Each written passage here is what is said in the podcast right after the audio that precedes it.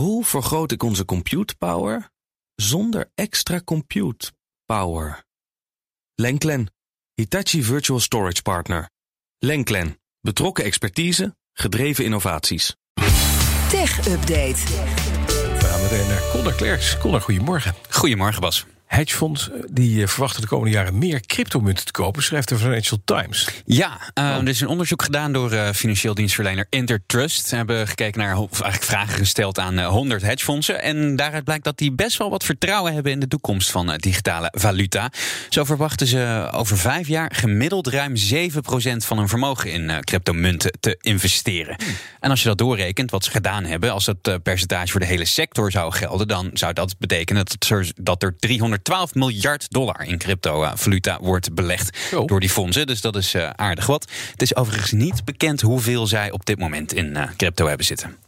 De traditionele vermogensbeheerders zijn minder happig hè, als je kijkt naar uh, het instappen in crypto. Ja, zeker. Ja, volgens de Financial Times maken die zich sowieso meer zorgen over de grote koersschommelingen. En ze vragen zich af hoe digitale valuta in de toekomst worden gereguleerd. Maar ja, hedgefondsen. ja, nou ja, je ziet dat China bijvoorbeeld met, met restricties komt. Maar ja, hedgefondsen die nemen nou eenmaal wat meer risico. Hè. Dat is een beetje de kern van wat ze doen. Dus die zitten er wat, wat die, die hebben er meer vertrouwen in. Bitcoin staat nu op 33.129 euro, anderhalf procent erbij. Ja, 40.000 dollar, uh, iets meer. Dat is een redelijk, redelijk flink omhoog. Terug, hè? ja, komt behoorlijk terug. Ja. ja. Dan blijven we bij blockchain-toepassingen, want daar draait uh, Bitcoin uiteraard op. De verkopen van die NFT's, die non-fungible tokens, die zijn flink gedaald. Heb jij het op het goede moment toch? Uh, ja, ja wij hebben op het goede, goede moment verkocht. Hè? Ja. CNBC schrijft daar vanmorgen over. Uh, non-fungible tokens hè, zijn eigendomsbewijzen van digitale kunst, of bijvoorbeeld een sportmoment op de blockchain vastgelegd. Emoji, waren, of een emoji zou ja. van alles kunnen zijn. Waren begin dit jaar razend populair. In het eerste kwartaal van 2021 werd er meer dan 2 miljard dollar aan NFT's eh, verkocht.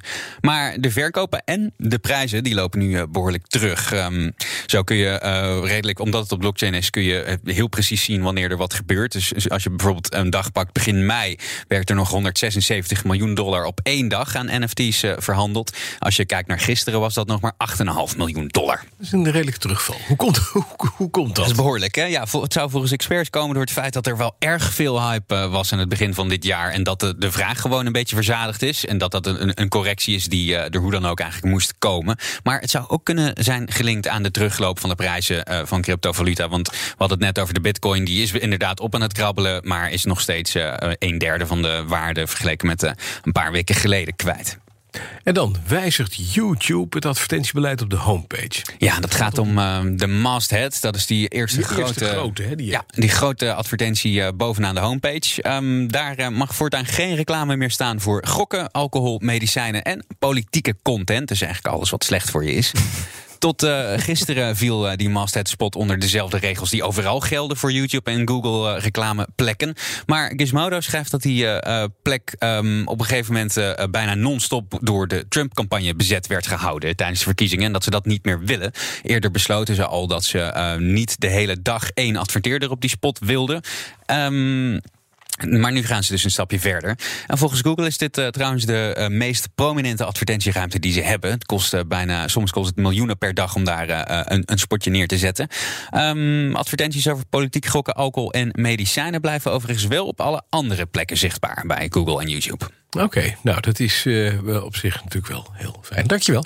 De BNR Tech Update wordt mede mogelijk gemaakt door Lenklen. Hoe vergroot ik onze compute power? Zonder extra compute power. Lenklen, Hitachi Virtual Storage Partner.